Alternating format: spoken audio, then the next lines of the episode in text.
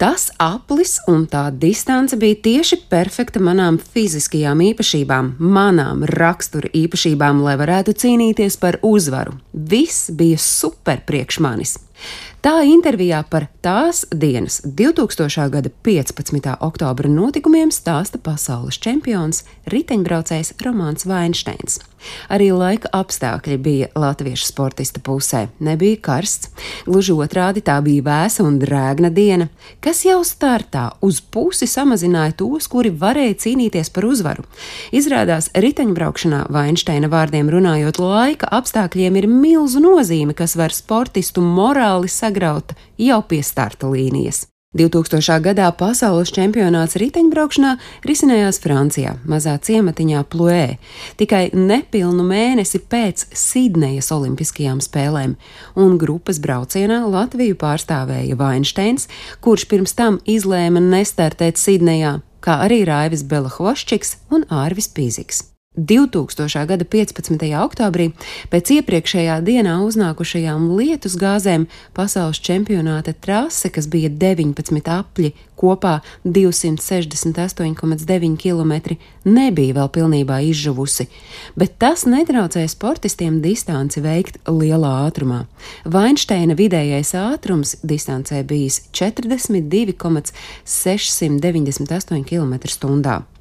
Lai gan pirmajos apļos izveidojās viens atrāviens no pārējiem braucējiem, kurus pārsvars vēlāk sasniedz pat 8 minūtes, bija skaidrs, ka tik augstu tempu līderi nespēs izturēt. Līderi atrāvienā turējās vairāk nekā 150 km, bet mazāk nekā 50 km pirms finiša riteņbraucēji jau visi bija vienotā grupā. Vēlāk no tās izveidojās vairāk nekā 20 sportistu grupa, kurā bija arī Vainsteins.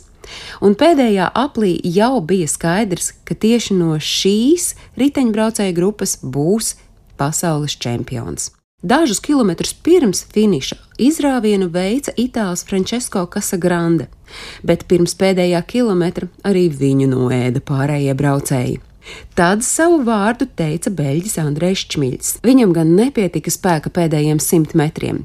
Tajos fantastiski no pārējo sportistu aizmugures lielā tempā izsprācās Vainsteins un finišēja pirmais, šokējot pasaules riteņbraukšanas eliti. Kā vēstas sacensību apraksti, Finiša sprinta laikā Vainsteina ātrums esot pārsniedzis 70 km/h. Un zīmīgi, ka pirms grupas brauciena Romāns Vainsteins nebūtu netika minēts starp galvenajiem favorītiem, un tomēr tieši viņš, vienīgais no Latvijas sportistiem, vienīgais no visiem sportistiem, finišēja ar lepni paceltām rokām.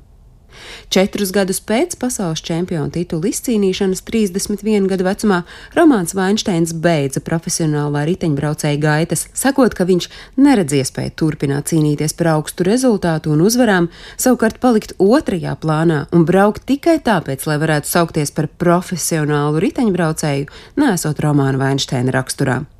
Kā viņš atzina savulaik kādā intervijā, tikai nedaudziem ir lemts kļūt par pasaules čempionu. Man tas izdevās. Ceļš līdz šim mērķim gan nebija no vieglajiem. Spānijas un Itālijas riteņbraucējiem bija daudz labāki apstākļi sevis izteikšanai, tomēr es pierādīju, ka arī mazas valsts, Latvijas sportists, var būt pašā virsotnē. Stāstīja Agnese Drunka.